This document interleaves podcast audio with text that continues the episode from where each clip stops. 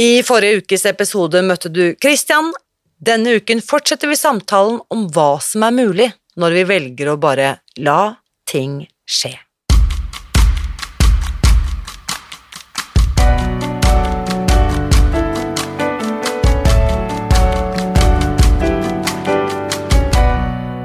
Mitt navn er Irina Lie. Jeg er journalist og forlegger, gründer og sosial entreprenør. I 2015 spiste jeg meg fri fra overvekt og fedme etter å ha slitt med vekt, kropp og følelser i nesten 30 år. Etter at jeg knakk koden, ga jeg meg selv et nytt oppdrag – å dele denne kunnskapen med alle som trenger det. I denne podkasten kan du derfor høre hele lydboken Spis deg fri. Den finner du ved å bla deg tilbake i arkivet og lytte til første sesong. Hver uke inviterer jeg nå gjester som gir deg påfyll til hodet, hjertet og magen. For min visjon er å endre Helse-Norge, og det får jeg ikke til alene. Du bidrar ved å abonnere på podkasten, skrive en omtale i iTunes og tipse meg om hvem jeg burde invitere hit. Da setter vi i gang med ukens episode. Ja, som du kanskje har skjønt allerede, er dette altså del to av en lang samtale med min gode venn Christian. Hvis du gikk glipp av første episode, vil jeg anbefale at du pauser denne podkasten og går tilbake til forrige episode, det vil si episode 207, og lytter til den først. Og hvis du har hørt første del allerede, så trenger du egentlig bare å lene deg tilbake, for nå fortsetter del to av min samtale med Christian.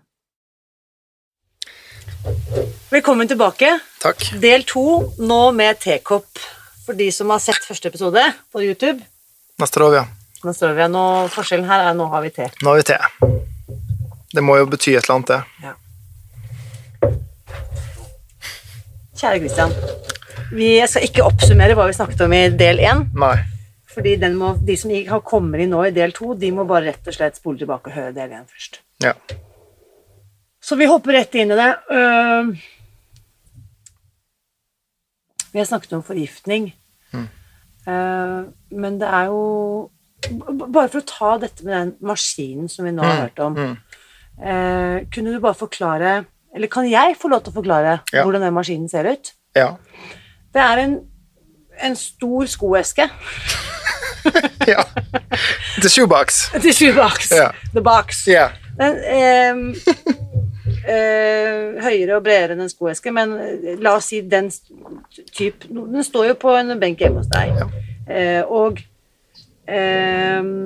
så har du en stav som er Er det kobberlegering rundt, eller hva er det? En kobberstav. En kobberstav. Ja. Som jeg da For jeg ante jo ikke liksom hvordan behandle Jeg var jo også veldig nysgjerrig på hvordan er denne maskinen. Får jeg noe greie på hodet? Er det noe under føttene? Altså, hun er også, ikke sant? Eh, Så jeg sitter og holder en kobberstav i min venstre hånd. Ja, eller høyre hånd. Unnskyld, høyre hånd. Ja. Du bytter etter hvert, da. Som du fukter Ja. med vann, slik at Hvorfor gjør du det? ja liksom, nå er det så lenge siden jeg har glemt eksakt detaljene på hvorfor vi gjør dette, men det er vel for å skape et du, Fukten er for å få bedre kontakt. Ja, så det uh, men- leder strømmen bedre, kanskje. Ja, ja. Dette Og så sendes det noen greier inn den kobberstaven fra denne shoebox-maskinen. Mm. Som du da leser av på den andre hånden på min venstre hånd, hvor du leser av med en, En penn. en pen. En form for penn som måler rett og slett trykket, lystrykket som kommer ut. Yes. Som jeg da både kan se på maskinen, men også høre. Ja, så det lager en lyd. En lyd, ja. Og nå har jo jeg testet dette her såpass mange ganger at jeg til og med hører når lydene eksempel, du snakker ofte om Der var det et dropp. Ja. Hmm. Ja. Ja. Så du, du måler jo da kvaliteten. Det er jo akupunkturpunkter jeg går på, ikke sant?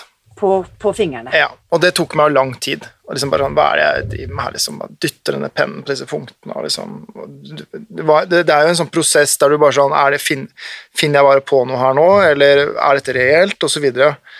Men, men øh, når jeg prøver meg på noe, så vil jeg bli, prøve å forstå det før jeg på en måte eventuelt går videre eller gir meg med det. Og til slutt så begynte jeg å kjenne at her er det et eller annet. Nå begynner jeg, Du får en feeling på hva er en god lyd og en dårlig lyd, og det finnes jo mange mange varianter av det. Så først må du lære deg å trykke jevnt på de rette punktene, finne de rette punktene, akupunkturpunktene. Eh, og så må du vite at du ikke trykker hardere enn det du burde gjøre for å få fram en lyd. Det er forskjell om du har smurt deg inn med noe kontra ikke smurt deg inn med noe. You name it. Eh, så du kan jo ha, kan du ha de som faktisk er veldig, veldig, veldig utmatte, spesielt en del barn, kan jo ha topplyder. Helt perfekte lyder. Og det er jo ikke det, Hva er det for noe?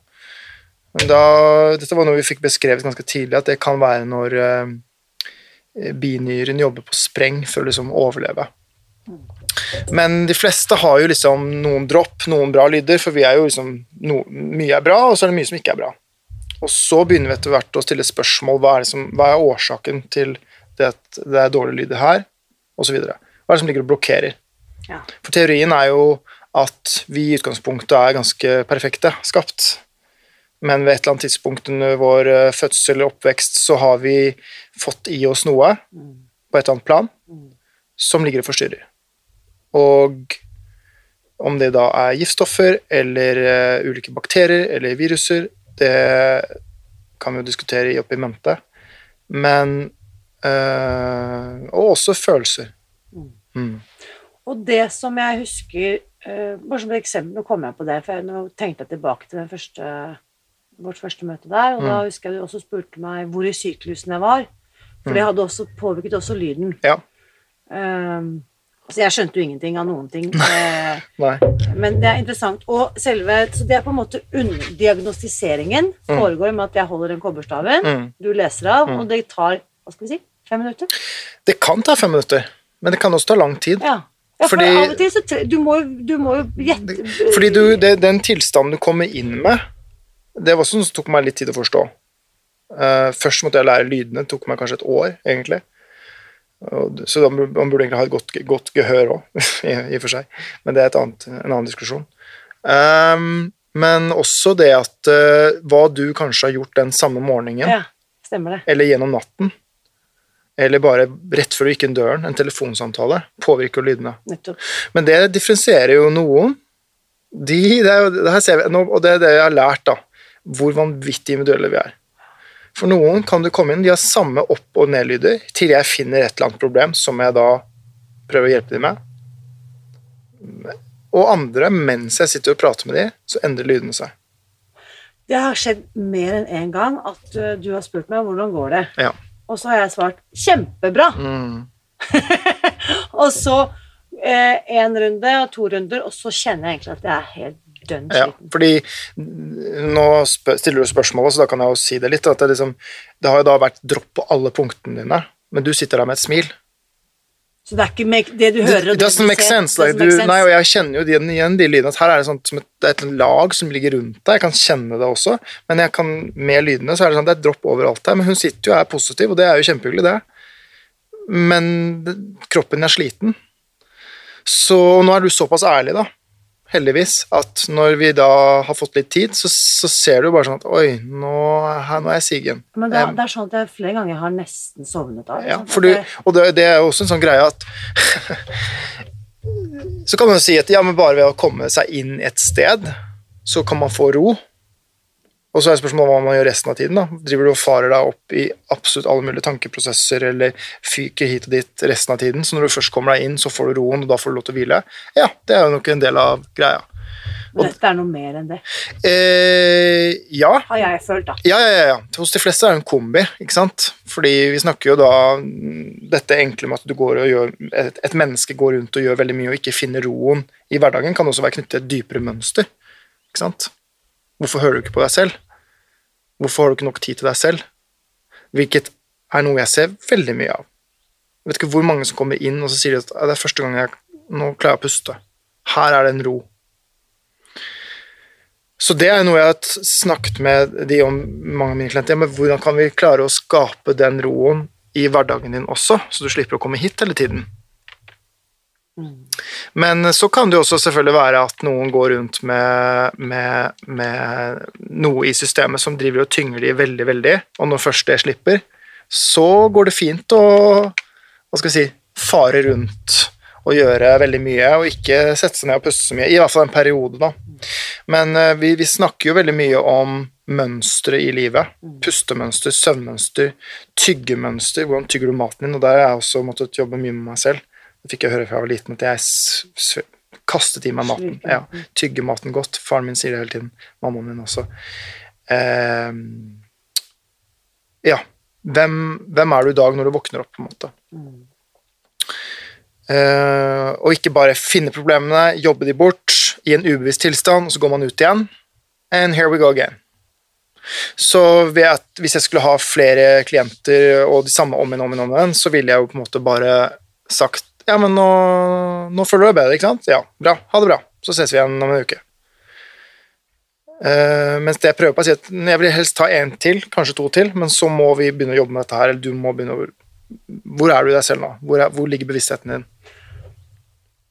Og det er det som uh, har vært så fascinerende i de møtene. For den jeg møter når jeg kommer til deg, det er jo ikke deg, det er jo egentlig meg selv.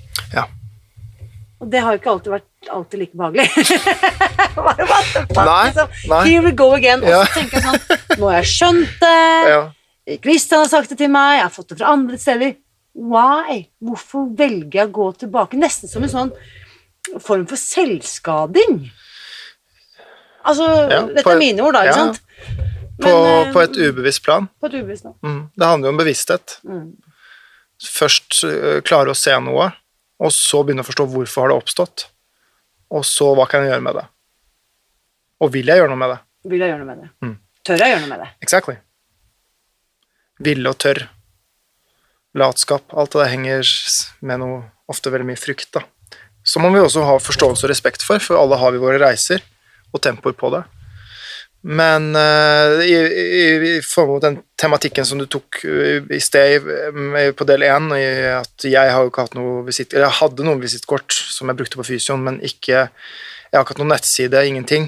Um, Det er også fordi at jeg ønsker at de som virkelig på en måte har søkt meg opp og lyttet til de som har vært hos meg, selv kjenner at han her skal jeg finne. Så ikke det bare renner inn med folk fordi du har en kul side og Nei, jeg vil at uh, begge kan få noe ut av dette her. Og det er også grunnen til at vi bare kaller deg Christian. Ja. det er ikke veldig, altså, Du skal ikke være Sherlock Holmes for å klare å finne deg, men Nei. rett og slett for dette er ikke en promo av din virksomhet. Du trenger ikke flere altså, du, har jo, du har jo klienter for all del, men Ja. det er ikke sånn at du ønsker å ha 2000 nye klienter. Nei, jeg ønsker at de rette kommer til meg. Ja. Mm.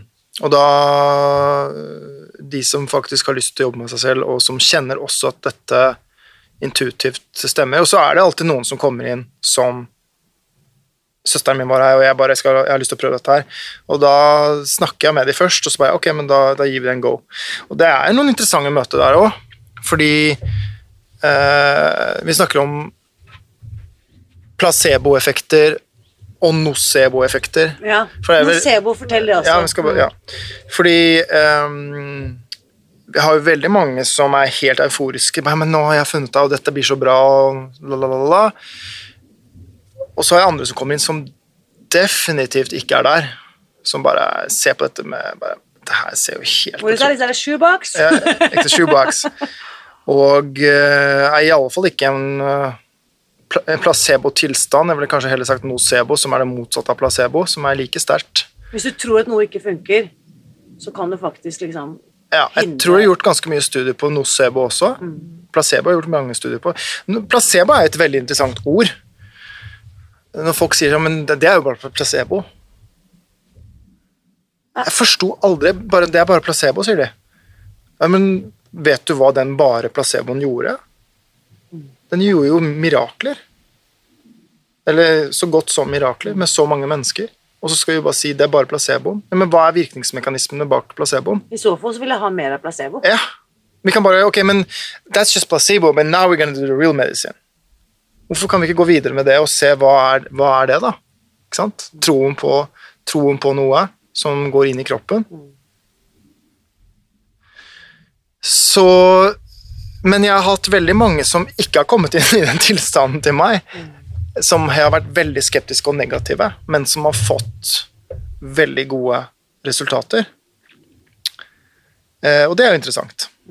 Og det har jeg også likt. Jeg har jo bevisst ikke brukt så mye placeboen min. Jeg har heller likt å være litt mer defensiv og sagt vi gir dette en go. Dette er tanken, teorien bak det, men jeg kan ikke love noe. Eh, og jeg kjenner andre som spiller veldig på placeboen. Eh, og det har hjulpet mange, det òg. Men jeg har likt å holde det litt defensivt, også for min egen del, for å se funker dette her egentlig. fordi at Ja, det har jo fungert på veldig veldig mange, men det er jo alltid en sånn tanke som ligger der. Hva er det jeg egentlig driver med her?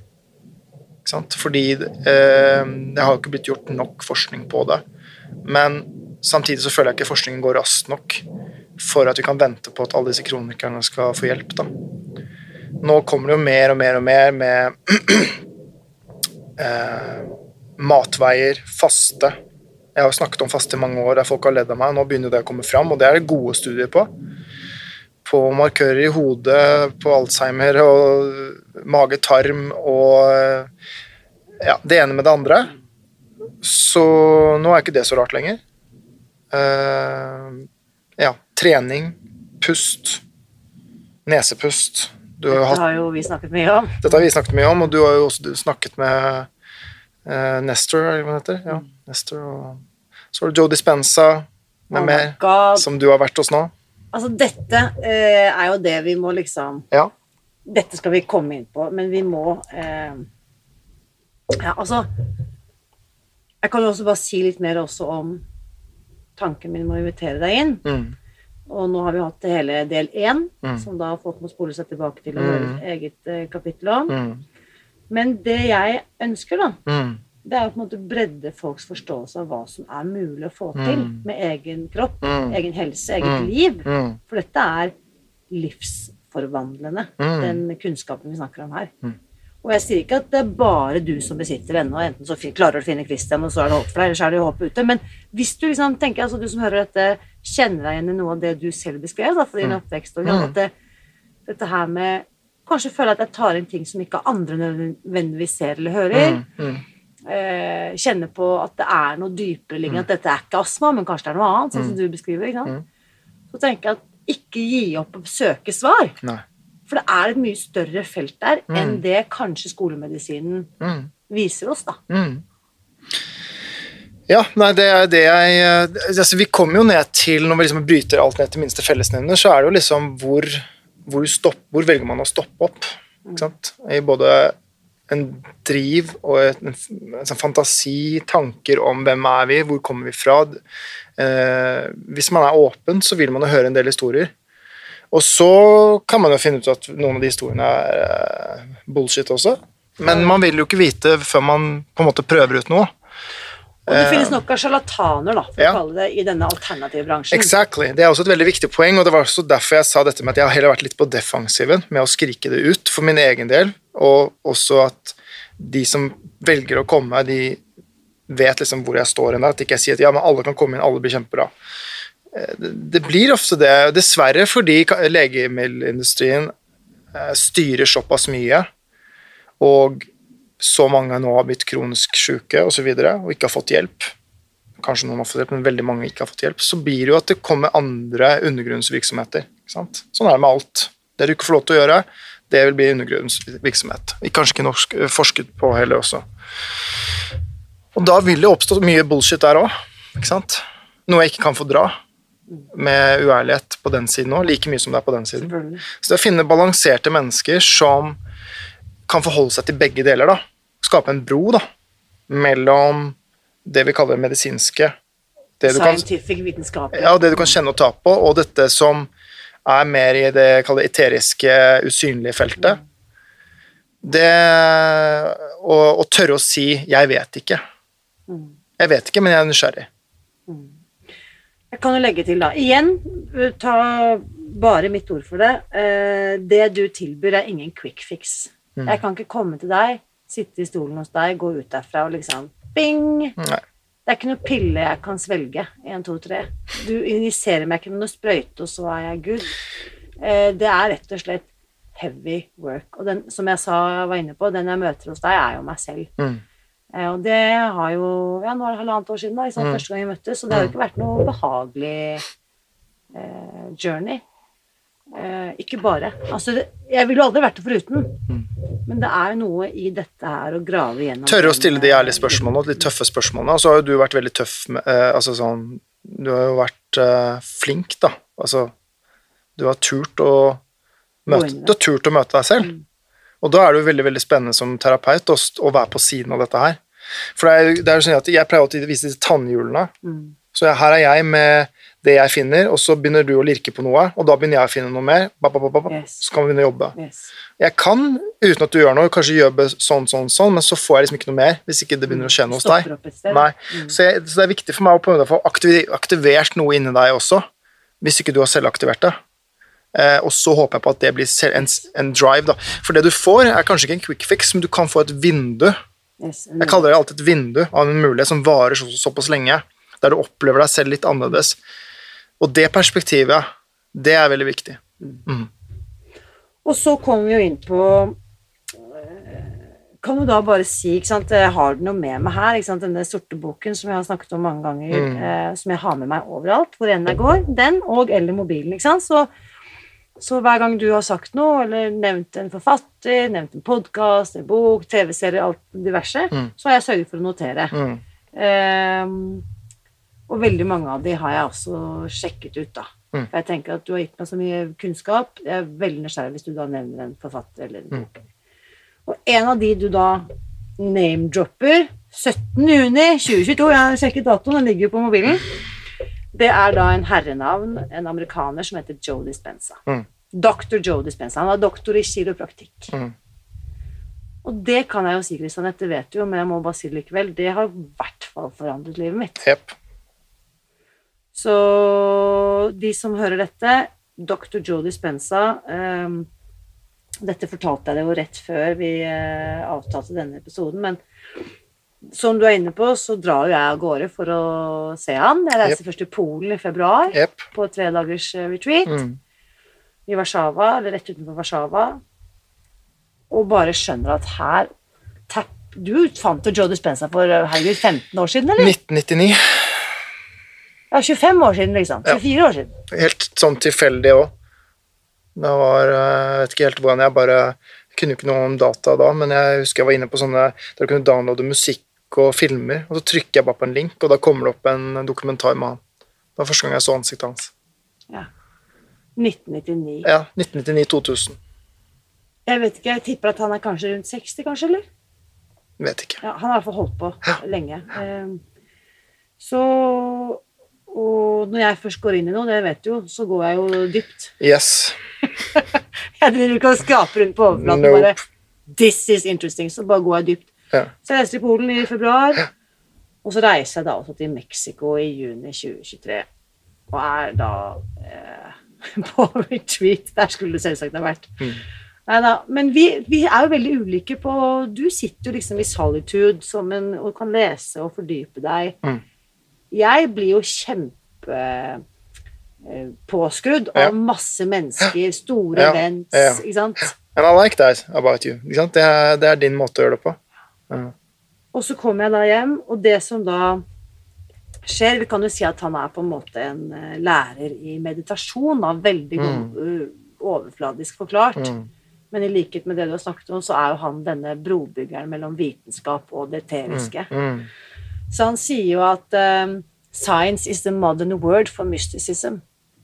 Altså vitenskap er liksom nåtidens ord for det man i Mm, gamle dager mm, ville kalt mystikk. For at vi går jo nå inn, sånn som du snakker om faste, Mm, mm, som før var bare helt sånn Mm. Faste er noe Mm. helt alternativt. Nå ser vi jo at forskningen tar igjen mystisismen, da, for å kalle det, eller mystikken. Så han er jo også jobber jo med Men alt med vitenskapelig belegg. Mm. Hvert ord han eh, skriver, hvert ord han sier. Uh, og han har jo også et eget forsknings... Ikke han, da, men han samarbeider med et forskningsinstitutt som etterprøver de påstandene. Eh, reiser til Mexico i juni 2023, det er jo ikke lenge siden. Og så Det som da kommer til meg, disse meditasjonene, både i Polen først og så i Norge, er at du skal gi ut bøkene hans på norsk. Mm. Mm. Uh, Så nå vet du, og nå vet eh, resten av Norge dette, herved uh, proklameres.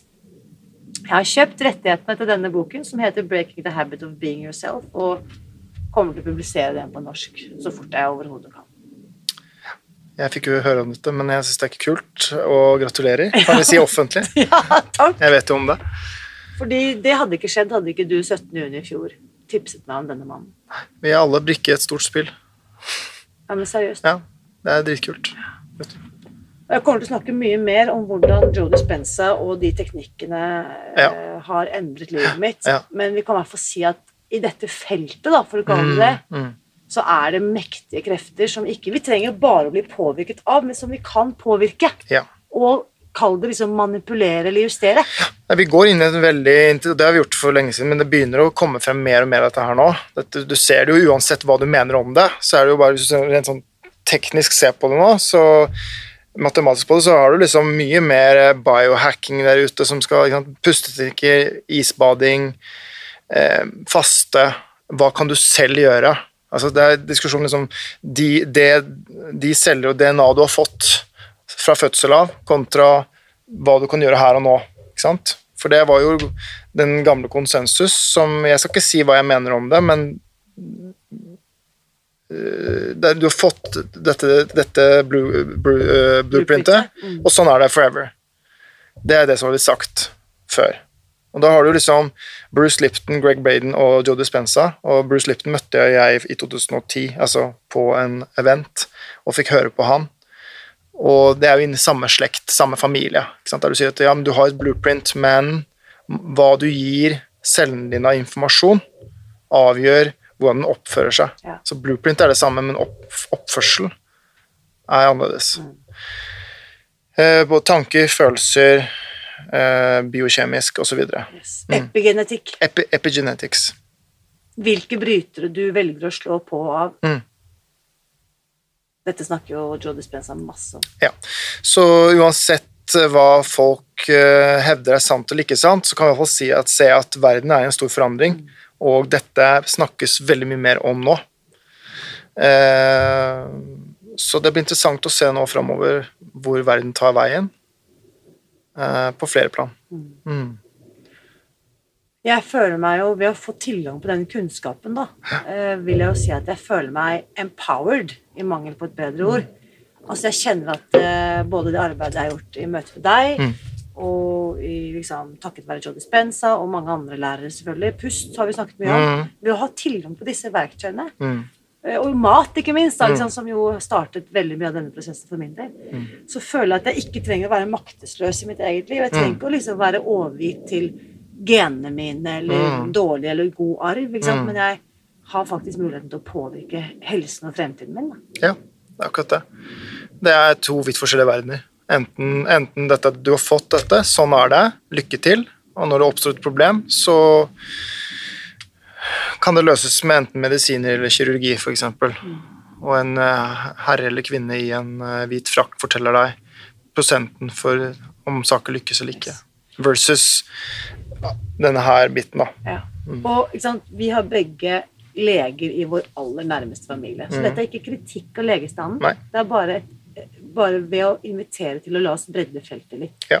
Hvordan kan vi supplere og på en måte Ja, utfordre? jeg, jeg kjenner jo flere veldig veldig fantastiske leger, og eh, du kan si i alle fall sånn i forhold til akuttmedisin og kirurgi, så er jeg jo veldig glad vi lever den tiden vi lever nå, kontra noen øh, 50-60-70-100 år tilbake i tid. Jeg husker ikke hvilken, om han var fra om det var 1800-tallet, det husker jeg ikke, men en ungarsk lege som begynte å stille spørsmål kanskje vi skal vaske hendene våre mellom Semmelweis.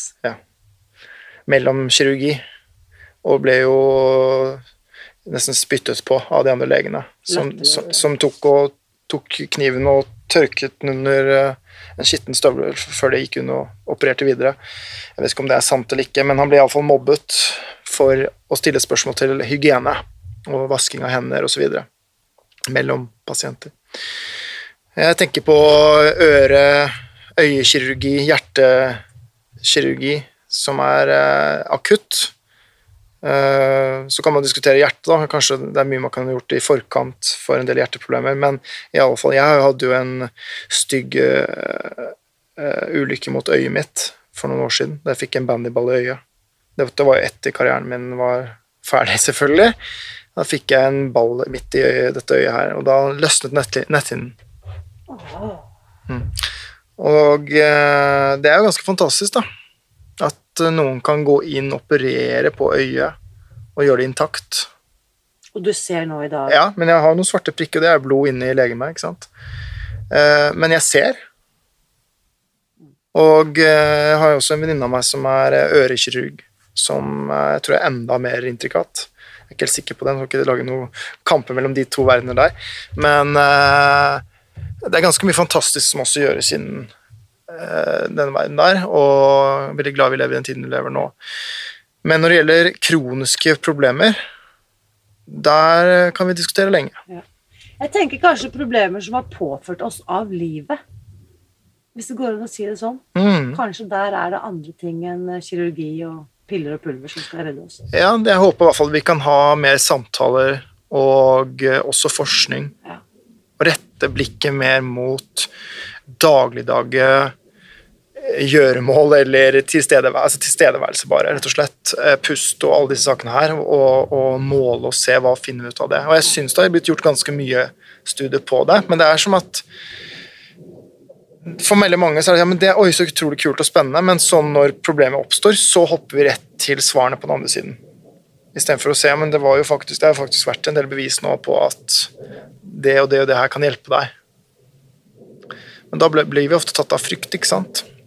Så Jeg, jeg tenker også eh, Det som jeg liker så utrolig godt med din approach, og jeg har sett deg i møte med veldig mange andre, og mange andre som, ikke sant, eh, mens vi har vært sammen i ulike sosiale sammenhenger, som har spurt å, hva driver du med, og sånn og sånn. Og hvordan du er utrolig tilbakeholden. At du går aldri inn i å prøve å overbevise eller overtale eller liksom Nei, jeg, jeg, kanskje de første årene mine så ville jeg gjerne vekke veldig mange mennesker og hjelpe dem. ikke sant? Du vil hjelpe så mye at det kan bli invaderende. Og det er å lese hvor befinner han eller hun seg i seg selv nå, og har de egentlig ønske om å høre noe av det jeg har å si? Kanskje føle av det først, da. Men øh, Så jeg Og det kommer jo også av at jeg jobber så mye med folk som vil høre hva jeg har å si. Fordi de kommer jo til meg for å få noe info. At jeg er jo selvfølgelig sliten av det òg, så jeg har lyst til å snakke om helt andre saker. Men, men kanskje også det med at jeg har ikke lyst til at de skal eh, Nei, jeg vil vente og se hvem er de her og nå. Hva, hva, er, hva er den tematikken som oppstår organisk? Lytte til det, da. Det er et interessant tema. Hva, la det skje. La, la det som skjer nå, skal skje. eh, og det holde et lite space til seg selv og et menneske. Og se hva som kommer da herfra. Ikke bare la-la-la-la-la-la-la. Det er ganske magisk. Og det har jeg også opplevd i mange andre tilstander, både når jeg jobbet med hendene mine som fysio, da jeg jobber litt mer innen kraniosakralt osv. Eh, det å lytte Kraniosakralt, bare for de som ikke har hørt det ordet før. Kan du bare si to ord om det? Uh, ja, det er uh, en eh, veldig subtil måte å approache kroppen på. Eh, kranio, sakralt. Så det er altså, hodet Hod- peker du på, kranio. ja, kranio og sak, sakr, sakrum lengst ned. Eh, og eh, prinsippene skal jeg være litt forsiktig med å forklare, for det er eh, Jeg har jo blitt lært opp av en som eh, en, en eldre mann som var en mester i dette her, så jeg lærte min egen versjon av det. Men eh, du har jo en væske som ligger inni hodet, Spinal fluid. ja, som du også har vært litt inne på nå, som har en eh, Som går hele veien ned og opp. Og den hevder de har en, en frekvense på så og så mange slag i minuttet. Det kan vi diskutere. Den går, den, det, dette lærte jeg Jolie Spencer. Mm. Den bruker tolv timer på å skylle gjennom fra liksom sakrum opp til øverste hjernen. Ja. Så i løpet av et døgn så har du flushet eh, spinal corden din to ganger. Ja. Så øh, øh, Men det jeg lytter, lytter til her, er jo ja, Det er en helt annen approach enn vanlig fysioterapi, kan man si. Men du bruker hendene dine. Jeg bruker hendene mine. Og du lytter til vevet. Du, du kan også kjenne bevegelser som du normalt sett kanskje ikke ville føle som vanlig fysioterapeut, der du går inn og kjenner på leddbevegelighet. Så det er så vidt du er nære. Så jobber du Veldig kort fortalt, vi kan gå inn på dette en annen gang, eh, mye mer subtilt, men det er kraftfullt der du gjør små justeringer. Men du lytter altså til vedkommende system på en helt annen måte. Og vil jeg velge å påstå, til slutt så oppstår det en, noen bevegelser som jeg ikke helt vet hvem som styrer hvem. Ja. Nå hoppet jeg veldig langt fram. Men det er det som jeg egentlig prøvde å si, er dette spacet som du holder til lytting. Eh, For jeg driver med dans også, ikke sant? Dette skal vi også snakke om. Ja. Og den, kan, den samme følelsen får jeg der. Ja. Nettopp. Disse subtile bevegelsene. Der du, ikke, der du, du, du skaper et Og jeg, vil jo, jeg, jeg hevder jo personlig at dette er et, ma- ma- våre magnetfelter som connectes sammen og gir hverandre informasjon. For begge to sier sånn Ja, men når du gjorde det, ja, men var det ikke du som gjorde det? Men nei. Bare, Ok. Så Men det er ikke så lett å alltid komme seg dit. Det er som med alt annet. Du har en yin, og så har du en yang, og så knytter du de sammen. Så du kan si Jeg er veldig glad i å ha fysioterapien i bånn anatomi- og fysiologikunnskapen. Kjenne og ta, se. Eh, vite når du ikke skal gjøre noe, osv. Sykdomslære osv. Men ettersom jeg har lært opp hendene mine til å sense mer og mer og mer, og mer ved å holde lettere og lettere og lettere For det er, noe, det er når du trykker veldig hardt, så kjenner du jo selvfølgelig noe, men når du holder lett, så kjenner du faktisk mer. Mye mer. Ja. Folk kan bare prøve på sitt eget puls på håndleddet. Hvis du trykker hånden hardt ned, så har du ikke sjanse til å kjenne pulsen. Hvis du bare lar fingeren hvile på, så har du muligheten til å Ja. fornemme den. Ja. Så du beveger deg da fra noe veldig mekanisk, og det er veldig bra å ha de rammene, så du ikke flyter helt av gårde. I, eh, og så lære å bli mer og mer og mer subtil og lyttende. Og i dansingen så er det det samme at hvis du ikke kan stegene, så flyter jo alt bare rundt. Så først må du lære deg stegene, og det er veldig mekanisk, og det er litt kjedelig. Og så lærer du deg en ramme, og så du, må du jobbe med balansen din, og så videre og så. Og så kommer musikaliteten inn, og så begynner det å oppstå sånn success connections, som jeg kaller det. Først med deg selv, da. For det er jo også interessant. Hvis ikke jeg er connected med meg selv og jordet, så er det veldig vanskelig for meg å føle en- et annet menneske. Du er ikke helt til stede. Nei, jeg, jeg, hvis ikke jeg er her, hvordan kan jeg føle deg? Og det er en tematikk du, du kan ta med i alle mulige andre- tilstander, også i parsammenheng, forhold, intimitet. Fordi når jeg danser med noen, og jeg har sikkert gjort den feil selv, eh, garantert har jeg gjort den feil selv, når jeg da er i en ubevisst tilstand, ikke helt i meg selv, og gjør disse dansebevegelsene, så får jo ikke den personen egentlig møte meg. Fordi jeg Og, og hun, eller, hun får heller ikke Eller hun får møte, en versjon av meg som ikke er til stede. Og jeg lytter, kan jo ikke lytte helt til henne, for jeg er jo ikke helt i kontakt med meg selv. Hvis jeg ikke er i kontakt med meg selv, så har jeg ikke noe å, få disse signalene gjennom kroppen på. Så det vil alltid være et lag mellom oss. Og du, jeg merker også veldig godt når andre kommer til meg, og så ser jeg at ja, du har gått på den, sko den danseskolen, eller du gjør de stegene, ja, som du har gjort med mange andre før. Men det er en vanvittig stor forskjell på det, og når du møter et menneske som faktisk lytter 100% og jeg lytter 100 Hvem er du i dag? Ok, hva slags musikk er det nå? Og så føler vi oss fram sammen, og så plutselig så skaper vi noe sammen. Og da skaper jo vi noe helt unikt som ingen andre noen gang har gjort før. Og som ingen kan gjøre etter dere. That's pretty amazing, though. Vi gjør noe nå som ingen andre har gjort før. Og det samme kan man jo da dra inn i eh, kanskje behandling, men også da spesielt intimitet, nærhet. Der to mennesker går og legger seg i en seng, og ett menneske gjør noe som den har gjort med et annet menneske før, og repeterer det med deg, versus en som er der og lytter til deg, og du lytter til vedkommende, og skaper noe unikt mellom dere i det øyeblikket. Det er to vidt forskjellige verdener. Og jeg sier Jesus igjen, selv om jeg sitter med kunnskapen, så betyr det ikke at jeg ikke har gjort den. Jeg, har gjort mange av disse feilene, og det er veldig viktig å gjøre, for da vet du bare at det var jo ikke bra. det føltes jo ikke bra. Eller det var greit, men så dør jo det ganske fort ut. Så, så ved å komme i den tilstanden der, og det er det mange som driver med dans, som kjenner, at de er jo i en form for rus. Ja. De Kan du kalle det flow? flow, flow, rus. De kommer i en tilstand, og veldig mange jeg faktisk snakket med, sier at de jo, har jo kroniske smerter, men de er jo borte mens de danser, og i lang tid etterpå. Her ville da dr. Joe Dispenza sagt Ja, hva ville han at da har kroppen produsert f.eks. serotonin, Mm. eller noen kjemiske greier oppi hjernen, Mm. som produserer f.eks. labinyrene, Ja. eller ikke sant? Ja. Og så, som kan ha smertelindrende effekt, f.eks. Ja, og så kan vi si at eh, Nå snakket jeg, hoppet jeg rett til den her vanvittige connection først mm. med deg selv og også en annen, men bare berøring og nærhet. Ikke sant? Der kan vi snakke lenge opp. Det å bli berørt av noen som du ønsker å bli berørt av, ikke på en seksuell måte, men bare bli holdt. Yes. Hva har det å si? Ja. Eh, og da kommer vi inn på andre temaer igjen. ikke sant? Psykososialt, hvordan er vi her oppe kontra andre land? Det med, ja, dette er en stor tematikk i forhold til veldig mye av det jeg ser inne på jobben min, er jo liksom hvor mange som føler seg ensomme, og hvor mange som ikke føler seg berørt, verken emosjonelt, mentalt eller fysisk. Hvordan bemøter du mennesker på gata? Og hva skjer når mennesker hopper, skal fly et eller annet sted? Jo, allerede på Gardermoen så er de et annet, en annet menneske fordi de vet hva som bemøter de der nede. Det er for det første det nye mindsettet. Det er jo bare en mindset at du vet at nå skal, får jeg lov til å være fri fra mønstrene mine.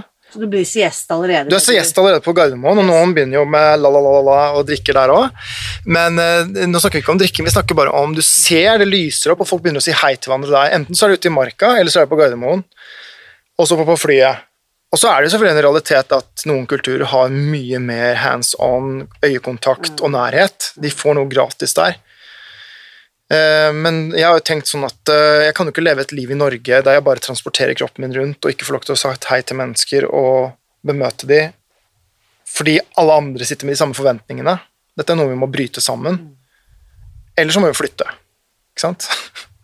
Men, eh, men La eh, oss bryte det sammen. eller la, ja, la oss bryte det sammen. La oss uh, lage en ferie ut av Jeg prøver å se på min hverdag som en form for ferie. Kult. Ja, morsomt. Det har jeg ikke hørt deg si før. Ja. Ja, men det er jo en uh, Og det er en tanke som har fått marinere, som du liker ordet. Marinert seg over flere år, fordi jeg stakk jo av gårde til andre land, jeg òg. Men så har jeg hentet med meg mange av de inntrykkene. For jeg ser jo på meg selv som et stort software som bare har downloadet masse sanseinntrykk Yes. over mange år, og nå er jeg den versjonen basert på mye av det, og de valg jeg har tatt av filtrering av det skal jeg ikke ha inn, men det vil jeg ha inn. Jo, men da bare nå. Når vi sitter og har liksom disse her kaffemøtene våre, f.eks. på Røa, da. Mm. Det er jo som å være liksom eh, i et eller annet eh, sydland. Eh, og det kommer folk innom og slår en prat, og så er det en gammel vaktmester fra bandylaget Ja, ditt som skal innom, ja. og så skal eller hva var det, det var for noe oppmann, og så står vi og prater litt med han. Det er som å sitte på sånn derre uh, Ja, på et, eh, på et torg i Italia, og den ene slår, så kommer det en gammel kone, og så er det en ung gutt. Og, sånt. sant? Det er akkurat som du sier, du har tatt Ja, med en bit jeg, av jeg, det hilser, jeg hilser på alle, Hilser og, på alle. ja, og snakker med folk. Og så må man jo kjenne at nei, men hun ønsker ikke å bli snakket til. Altså, jeg går ikke Men jeg, du gir et godt smil, Ja, hilser, spør de som jobber der hvordan går det Kom, Ja, ikke sant. Eh, jeg liker det veldig godt, og eh, Hvorfor ikke? Hvorfor vente, holdt jeg på å si. Hvorfor venter vi kommer til Syden? Ja. La oss bryte det sammen. Jeg likte Og- det godt. Ja, la oss bryte det sammen. Og, eller la oss skape dette sammen. Og du kan si Det var jo også en um, En ekskjæreste jeg har fra Cuba som sa til meg at Hun sa noe til meg som jeg ikke helt forsto, for hun sa sånn sånn som du lever, vil jeg leve. Men da, Hun mente jo ikke total, sånn totalt, men hun mente da spesifikt hvordan jeg beveger meg på gata og, og finner steder og, og så videre. Ja. Og da, da, var, da var jeg faktisk litt mental, for jeg tenkte ja, men hun er jo, hun er jo latina. Hun er jo sånn helt naturlig. Men nei, det var ikke helt det. Eh, jeg har jo blitt, eller tillatt, det som er naturlig i meg. Og det er, ny, det er en annen tematikk. Naturlig versus norm. Yes. Jeg er ikke normal. Du er ikke normal. Jeg er ikke normal, jeg men jeg er i kontakt med det naturlige så godt det lar seg gjøre. Men akkurat da var jeg litt i hodet mitt og tenkte at nei, men det kan jo ikke stemme. Men det, når jeg begynte å se på det, jo, men jeg er jo en som snuser meg fram. ikke sant? Som, eh, og det var at vi gikk på gata, så sier jeg bare stopp, la oss stoppe her litt og puste litt. Og så bare Og det kan jo virke litt rart for et menneske. tenker jeg, men Vi skal jo til den restauranten. Ja, men bare vent ett minutt, det skader ikke noe. Og Så fikk vi solen, og så oppsto det noe pga. det som gjorde at vi fikk i gang en samtale som gjorde at vi bare ja, men vi har ikke lyst til å gå på den restauranten. Så gikk vi litt videre, og så plutselig så finner vi et annet sted, et helt sånt lukket sted helt nede ved havet. Der kom vi i samtale med noen andre, og hun bare Jesus Christ. I mean, Vi hadde jo aldri fått den, det, den opplevelsen. opplevelsen med de menneskene, og det var den informasjonen jeg behøvde å høre, sa hun. Hvis ikke du hadde stoppet opp i de 20 sekundene pga. sola, ikke sant. Så ehm, Ja, det Jeg har vel hele tiden opplevd at jeg beveger meg på kryss og tvers av veldig mange andre. Jeg går ikke dit fordi alle andre går dit. Men jeg kan gå dit når alle andre går dit òg, hvis jeg føler at jeg skal dit. Som en sånn øh, jeg- Som jeg stenger øynene mine og navigerer meg fra et helt annet sted. Det er litt interessant når du har nok tid, da. Kanskje litt for mye tid òg. Men øh, til å gå dit kroppen føler at den skal gå, og, tenk, og forstå at kroppene våre, in my opinion, er et fantastisk instrument Et som kan- en kompass, potensielt på kompass, til å fortelle deg hva, hvor du behøver gå. Og, og vi snakker om nå Jeg lurer jo veldig på det, da, men sånn, hvorfor vi har såpass mange kroniske issues her oppe. Det har vi kanskje i verden også, jeg har ikke tallene på det, men jeg har jo flest kvinner som kanskje har kroniske problemer, men det betyr jo ikke at det bare er det Noen har bedre statistikk på det enn meg, men men det jeg opplever, er at veldig veldig mange er veldig sensitive, egentlig, og følsomme. Men de har stengt av dette. På et eller annet tidspunkt har det blitt stengt av. Og de sier jo selv at de savner å være mer av dette og mer av dette og mer av dette, men de lever dette livet. Og den avstanden er mellom den du egentlig er, og den sensitiviteten du har, og der du velger å leve det, naturlig versus norm. ja, Om normen er det naturlige, så er jo det bra. Men hvis normen er der, og det naturlige er der, then we have a problem. Det er bare spørsmål om tid før det manifesterer seg på en annen måte. This of the is. This is This, disease. disease. Ikke sant? Når det er not easy, this is Mm. disease.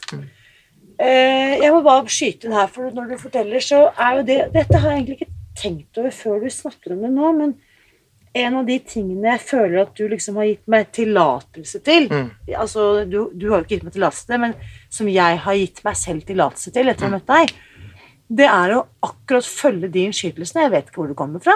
Vet ikke hvorfor jeg skal stoppe her. Få den solen i ansiktet, sånn som du beskriver. Så nå, for eksempel, og enda mer etter å ha jobbet med Jodie Spensa får opp et navn. Mm. Og dette har jeg gjort i møte med deg òg. Jeg plukket opp telefonen her forleden, og så sa jeg Hei, Kristian. Eller vi driver og spiller en sånn lydmelding. Hei, Kristian. Føler du at du er så langt borte? Ja, Ikke sant? Jeg, jeg vet ikke hvor du kommer fra, men jeg bare fikk en sånn right. og det har jeg gjort nå, eh, og nesten så jeg liksom lar det gå litt sånn sport i det. At jeg blir dritnysgjerrig på hvorfor får jeg opp Ja. Josie i Australia, som jeg ikke har snakket med på fem år. Og hun bare What? liksom, Ringer hun meg nå, liksom? Og det er så bra, fordi dette er det jeg har prøvd å implementere blant både venner og bekjente og også klienter. liksom sånn Tør å sette ord på en del saker, for det betyr jo ikke at du har rett, men du kan jo finne ut av saker. Som f.eks. at du turte å si bare 'du er så langt borte', og så er jeg såpass ærlig og sier men 'you're absolutely right'. Jeg var langt borte. Langt borte i tankene mine. Jeg var langt fra alle mulige samtaler som vi hadde en uke tidligere, var veldig close. Og dette var jo ikke noe som du kunne vite. Dette var jo. Du bare senset at han er langt borte. Jeg var langt borte i tankene mine. Jeg var på en helt annen planet. Så sier jeg gang det, jeg har vært igjennom en prosess, og nå er jeg på vei tilbake. Så det er jo veldig bra at du tør å sette ord på det, og så er jeg ærlig nok til å si yes. Så skjønner du at du er ikke gæren, på en måte. Ikke sant? Og jeg husker vi hadde det samme ikke sant? Jeg var på, på Finnskogtoppen i fjor, eh, 2022. Første året vi var der med det retreatet. Og da husker jeg du la inn en melding. Mm. Jeg begynte liksom eh, Og du sa noe sånt som at eh, Fikk bare opp at eh, du er så liten, som om du er en liten jente. At det er noe liksom veldig sånn sorgtungt. Mm. Og da hadde jeg eh, var jeg i en prosess da, rundt dette her. og Jeg, fikk, skvatt jo nesten, ikke sant? for at det er jo ikke Det er veldig få som Ingen har liksom sett eller hørt meg på den måten. Mm. Sånn. Jeg har jo ikke så mange før jeg, Nå har jeg møtt flere da etter hvert, men det er ganske spesielt. da, Mm. Og jeg tror mange av oss egentlig har de evnene. Mm. Bare at vi har ikke fått noe, gått på noen skoler som Nei, har lært oss å være hvor, er menneske. ja, hvor lærer vi det? Så dette er egentlig også en sånn heiarop til de som kjenner på at her har de noe. Mm. Altså bare go with it. Tro på det. Ja, og det ene behøver ikke undergrave det andre. Nei. For det er veldig mange sier når de hører meg prate, er jo Men sånn har ikke jeg lyst til å ha det, ikke sant? Eller å si at eh, jeg eh, trener, jeg, eh, jeg eh, lever et liv som veldig mange andre, på en måte i alle fall. Eh, jeg er ikke sånn at jeg tjener penger. Jeg driver ikke og sitter oppe på en haug og mediterer og jeg har ikke lyst til å være i kontakt med mennesker. Jeg klarer å ha samtaler med mennesker. Det er veldig mange som tar det veldig ekstremt. Det at med en gang du begynner å snakke om såkalt spirituelt eller ja, Intuitivt. intuitivt, så skal du forsvinne på retreats og isolere deg fra andre mennesker. Nå er jeg kanskje litt mer isolert enn det veldig mange andre som er der ute hele tiden er. Men jeg er også ute sosialt, jeg danser og jeg gjør saker, og prøver å lære meg å integrere disse to verdenene. ikke sant? Og da kan du se at veldig mye av disse, den intuitive, da, disse kan bli brukt som et form for redskap istedenfor. Så de som ikke sensorer noe av dette her, vil jo bare se meg være til stede og gjøre saker, som å danse eller gå eller stå eller whatever. Mens, eh, mens jeg vet jo at jeg er her akkurat nå fordi jeg har senset noe som, som gjør at jeg f.eks. har lært meg noe mye, mye kjappere. Nå har jeg lært meg å danse fort. For jeg har klart å lytte til saker hver dag som gjør at jeg bruker mindre tid på å lære noe enn kanskje jeg ville gjort uten å lytte. F.eks. For å forstå at jeg lærer veldig på å være i et rom. Fordi jeg absorberer veldig mye. Men jeg, absorberer alt, da. Så det jeg, lærte, det jeg skjønte etter hvert, at jeg må først da være et sted, og så må jeg ha veldig mye tid alene etterpå. Da lærer jeg mer. Fordi da har jeg Du må- absorbert du må Du har liksom tatt inn hele sekken, det. og så må du integrere det du skal ha, og så må du rense ut det du ikke skal ha. Det gjorde vel også at jeg lærte dansingen veldig, veldig kjapt. Eh, men skulle ønske jeg hadde den kunnskapen 15 år tidligere i forhold til bandyen, f.eks. Ja, fordi at det, ikke sant, dansingen er jo da eh, For å følge den tråden. Ikke? Her er det så mange. Du, kunne jeg fått å kle på meg litt. Ja, vi må ha pause. Ja, vi må ha pause. Eh, Da tar, kjører vi påkledningspause. Det er greit. Da har vi fått tatt på oss litt klær. Vi har pause. Vi er i del to Ja, av denne La det skje-miniserien vår. ja. Gudene vet hvor mange episoder jeg ender opp med. Mm. Nei da. Men um, det vi da snakker om Du snakket om dette med uh, dansingen og det intuitive. ja.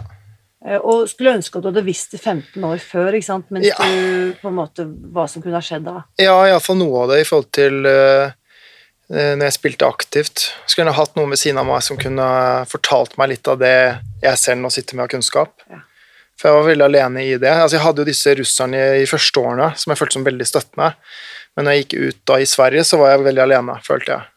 Uh, så jeg har jo prøvd å hjelpe de yngre jeg har sett som spiller bandy, da. Som uh, Altså, jeg har hatt noen noen få som jeg har på en måte trent litt ekstra. Fulgt opp, ja. Ja.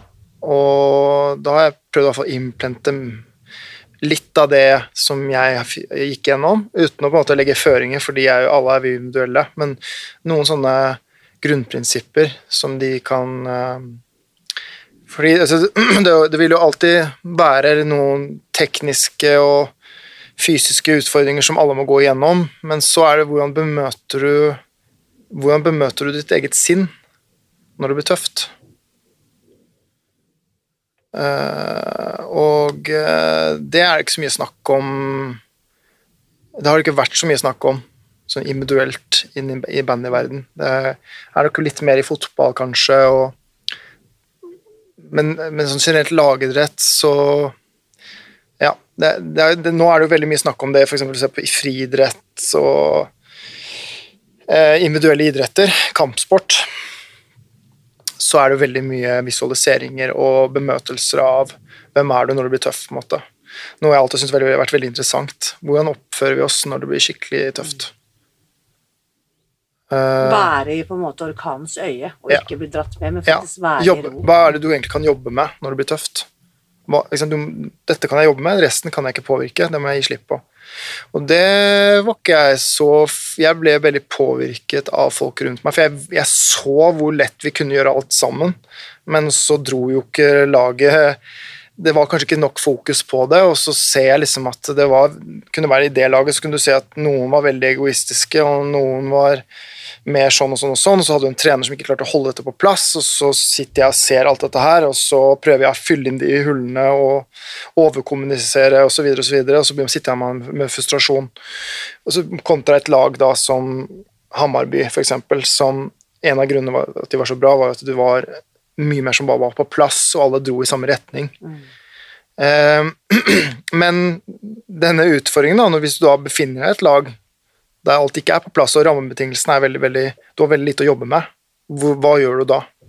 Jeg, dette er kanskje litt drøy sammenligning, men kan man også For jeg kjenner meg igjen i den som kan av og til sitte og se og skjønne alt. F.eks. i møte med min egen familie, mm. og ikke kunne endre det. Ja. Kan, ja, så, ja, selvfølgelig. Kan det være så enkelt? Selvfølgelig. selvfølgelig. Det er veldig, veldig nært. Det er jo det at du sitter og, og det, Sånn er det for veldig mange mennesker. Det er lett hvis du ja, i og for seg, Du er jo ikke, kanskje ikke helt objektiv no, altså, Du kan jo trene det å være objektiv, da, selv om du er veldig involvert. involvert. Så lære å gå ut og se på deg selv og se på andre mennesker.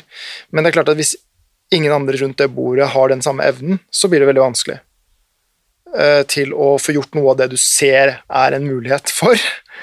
Uh, hvis, Muligheten er jo da bare hvis andre også kan se den. Mm. Så da har du så, så mye rammebetingelser.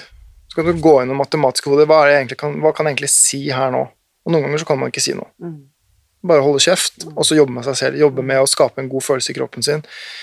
Og så videre, og så videre, og så videre. Det har jeg måttet øve mye på. Ja, jeg I, ikke sant? I, ja. i, å, I, å, ikke miste meg selv, i ja. å bli så jævlig trigget. Ja. Men bare kjenne at dette er en situasjon som trigger meg. Ja. Møte det, sitte mm. med pust. Mm. Ikke sant? Og, mm. og, også ulike fysiske Jeg kjenner at nå bare pusten stopper, og mm. liksom mm. mellomgulvet drar seg inn, jeg har bare lyst til å kline til vedkommende som sitter på andre siden, men bare Og så bare en mulighet til å praktisere toleransen. Ja. Tålmodighet. Ja. Og det, der har jeg også mye der, der, har jeg måttet jobbe mye, og fortsatt må jeg jobbe. Ja. Takk og lov at vi er der. Ja, ja, ja, ja, ja, Det er dette som er selve livet.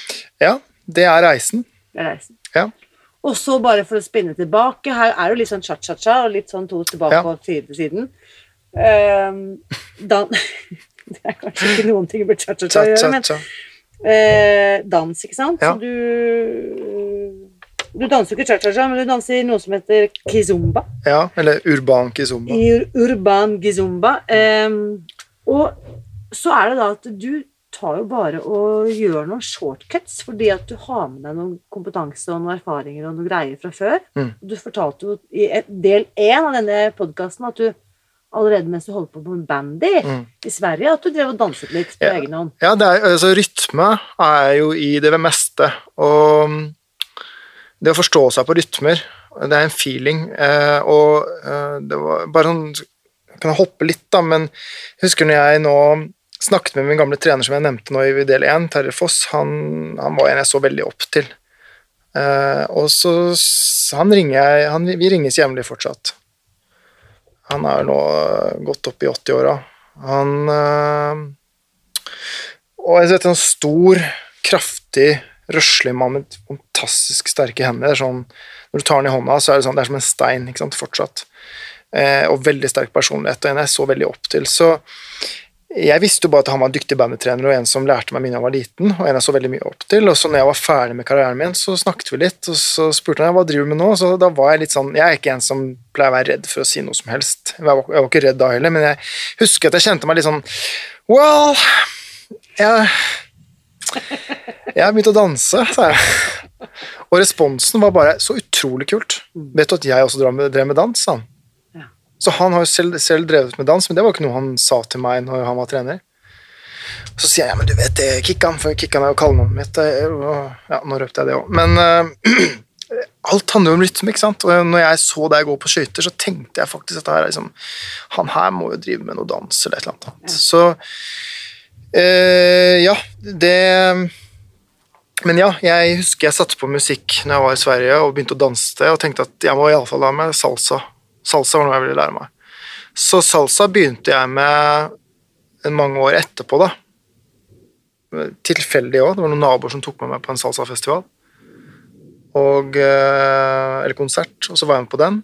Og der møter jeg en kvinne som eh, sier det, neste torsdag så er det noe på Grünerløkka, bli med der. Jeg var ok, så ble jeg med dit. Og der møter jeg en kvinne til som ser meg danse, og jeg prøver på et eller annet, og så sier hun sånn ja, hvor har du lært å hvor har du lært å danse salsa? Så jeg nei, jeg har ikke lært noe sted. Så så sier hun sånn nei, jeg kan se det. Jeg kan se at du har ikke tatt noe kurs. Eh, Du kan ikke noen turer, men du har en veldig god rytme. Og så sa hun kan ikke jeg komme hjem til deg, da? Jeg bare, ok. Så kom hun hjem til meg, og så lærte hun meg på en fire-fem ganger det jeg behøvde å lære. Eh, Og selvfølgelig, du kan lære mye mer enn det, men nok til at jeg kunne danse vel, veldig bra da, i Norge. Eh, og så gjorde jeg det litt av og på, og så plutselig kom jeg over Kizumba, urban Kizumba, som jeg så på YouTube, og så var det et sånt rom ved siden av som Du har ofte salsa bachata-rom, og så har du kizumba-rom som er litt mørkere og litt annen type musikk. Så hva er det som skjer der inne, ikke sant? Hva går jeg glipp av nå? Ja.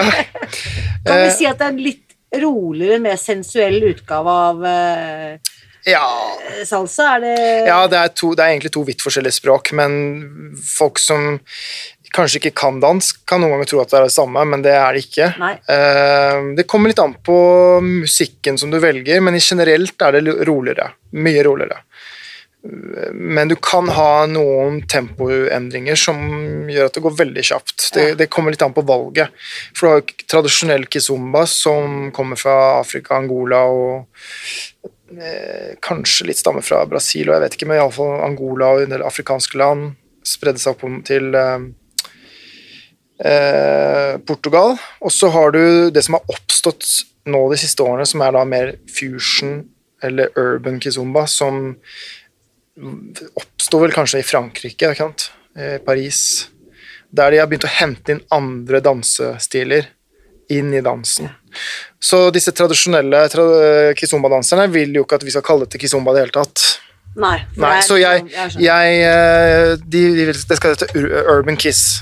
Eller Urban Kizomba, men eh, ja, jeg bryr meg ikke så mye. Altså, for meg er det sånn Jeg, jeg sier sånn at eh, Kan vi ikke Jeg liker jo en blanding. Og uh, Urban Kiss hadde ikke kommet til det uten, urban, nei, uten eh, tradisjonell kizomba, for det er grunnene. Det må du kunne.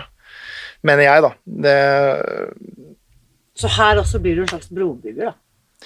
Ja, eh, jeg er en av flere bro- brobyggere der, fordi jeg har funnet ut at mye av det jeg så på YouTube 2014-15-16, var jo det jeg falt for. Men der den nå dansen har gått, for den er, dette er en ny type dans.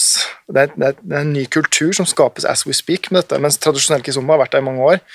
Så er eh, og semba og semba er en, en annen versjon. Det er liksom storebroren til kizomba, egentlig. Eller kanskje lillebroren, men den første broren, da. Eh, disse er jo grunner som har vært der over mange, mange år, og urban kizomba er noe som nå har oppstått de siste årene, som nå bare utvikler seg sånn Så det du ser i dag, det er kanskje noe helt nytt om en måned. Wow. Eh, så du har jo da tango-influenser fra den siden, og du har hiphopere fra den siden. Wow. Så en hiphopper og breaker vil jo kunne stå kanskje med på stedet og isolere og gjøre noe, mens en tangodanser har mye mer klassisk stil og pivoter osv. Så, videre. så jeg er fortsatt sånn å prøve å finne ut av hvem er jeg, hvor vil jeg være. Og det, dette går så fort at eh, det er veldig mye av det nye jeg ikke ønsker å hente inn, men jeg plukker litt hele tiden. Hva er det som passer til mitt system? Hva er det som passer til kroppen min? Så jeg er nok en som bremser opp litt og vil legge meg i et eller annet sånn fusion Jeg kaller det fusion. Og da er det sånn at det, da går det så fort hos deg at du eh, I dag underviser du jo. Holder kurs. Ja, jeg holdt uh, iallfall kurs oppe i Trondheim noen år nå. Ehm, og så har jeg holdt eh, Så har jeg hatt ganske mye privattimer, eh, både der oppe og her i Oslo. Og så litt ned i Sandefjord har jeg hatt gruppetimer og privattimer. Og så har jeg faktisk hatt en liten gang nede i Barcelona, men det var bare en sånn kjapp en. Så det er noe som er i, i gjære nå der, da. Der jeg ble spurt om å undervise, og var veldig skeptisk først, uh, fordi jeg var ganske fersk. Eh, Men også er jeg selvlært, ikke sant. Jeg har ikke tatt Jeg gikk fire dagers kurs først, men jeg likte ikke kursningene. Eh, Det passet ikke meg. Of course. Eh, passa ikke meg. Eh, Det betyr ikke at det er noe, noe gærent med kursene, men det bare passet ikke med meg, så jeg begynte å se på YouTube og eh, klarte å memorere da, fra YouTube, samtidig som jeg har øvd hjemme med da ulike partnere som har villet øve. Så jeg memorerer, danser alene, og så danser jeg med de. Yes. Også sosialt. Det jeg digger, da, eh, som jeg også håper at eh, flere enn meg kan la seg inspirere av, er at det er ikke noe sånn Ja, men jeg er utdannet fysioterapeut, så jeg skal jobbe med fysioterapi. Du bare gjør whatever the road takes you. Exactly. Altså, og så vil du komme tilbake til mye av grunnene, men med en ny versjon og en ny opplevelse av deg selv. Så det er jo informasjon jeg kan få midt i en dans, som jeg faktisk kan bruke i fysioterapien.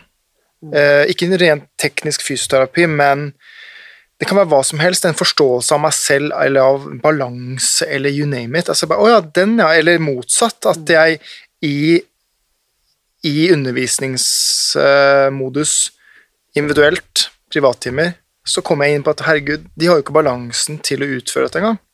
Da kommer fysioterapeuten inn og så bare ok, vi må kanskje gjøre en Så jeg har gitt noen øvelser som er rent sånn eh, balanseøvelser, rett og slett. At, og bevegelse. Ja, men du har jo ikke, du har jo ikke hoftebevegeligheten til å utføre dette her. Og her igjen kommer vi da inn på the issues are in the tissues, som vi snakket om i stad. Mm. For det vi også snakket om, er jo at hvordan spenning kan sette seg sånn at hoftene mine er kanskje ikke mulig for meg å bevege, for det som sitter fast der, holder meg igjen. Yes. Og da ser du også hva er høna og egget her, for der har du da mange som driver med oppvarming før dansen og gjennom dansen opplever at de får opp masse følelser, ikke sant? som da enten kan være berøringer, men det kan også være at du begynner å åpne opp hoftene dine og åpner opp deler av kroppen din og strekker ut noe som, der det kanskje sitter informasjon Yes. som får lov til å frigjøre seg. Who knows? Who knows? Og det får vi faktisk ikke svar på, for vi må faktisk Ja, sette en pause her igjen. ja. Del to. ja. Her ved slutt. Her ved slutt. Halleluja, hvor skal dette ende? Tusen takk, Christian. Takk selv. Nå lurer jeg på, hva tenker du etter å ha hørt del to av min samtale med Christian i dag? Samtalen etter ukens episode den fortsetter også i den åpne Facebook-gruppen Spis deg fri, så bli gjerne med over dit og del dine refleksjoner og takeaways. Og som jeg kunngjorde i forrige uke, så kommer jeg altså senere i år til å gi ut den norske versjonen av den internasjonale bestselgeren Breaking the Habit of Being Yourself. Det er en eh, bok skrevet av en av verdens fremste meditasjonslærere, Joe Dispenza, og i Facebook-gruppen Bryt vanen, som vi lanserte i forrige uke, er vi nå godt i gang eh, med dette endringsarbeidet som skal eh, fortsette gjennom denne høsten. Det kan du lese mer om på brytvanen.no. Og det er jo dette som er tema, hvordan du kan lære teknikker for å bryte vanen med å være deg selv, som eh, Joe Dispenza kaller det.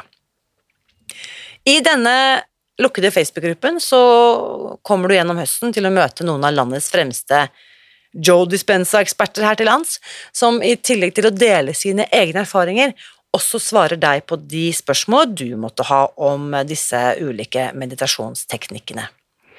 Så kan jeg også bare legge til at for min egen del så har denne kunnskapen virkelig endret livet mitt, og det er derfor jeg har valgt å dedikere det meste av min tid og mine ressurser denne høsten til å få gitt ut denne boken på norsk, så du også skal få tilgang på denne kunnskapen. Du kan støtte arbeidet og få tilgang til denne eksklusive Facebook-gruppen ved å gå til brytvanen.no. Og når det gjelder Christian, han kommer tilbake i eh, neste uke for tredje og siste del av denne samtalen. Håper vi ses da. Husk også, uansett hvem du velger å lytte til denne høsten, så vit at jeg heier på deg. Alltid.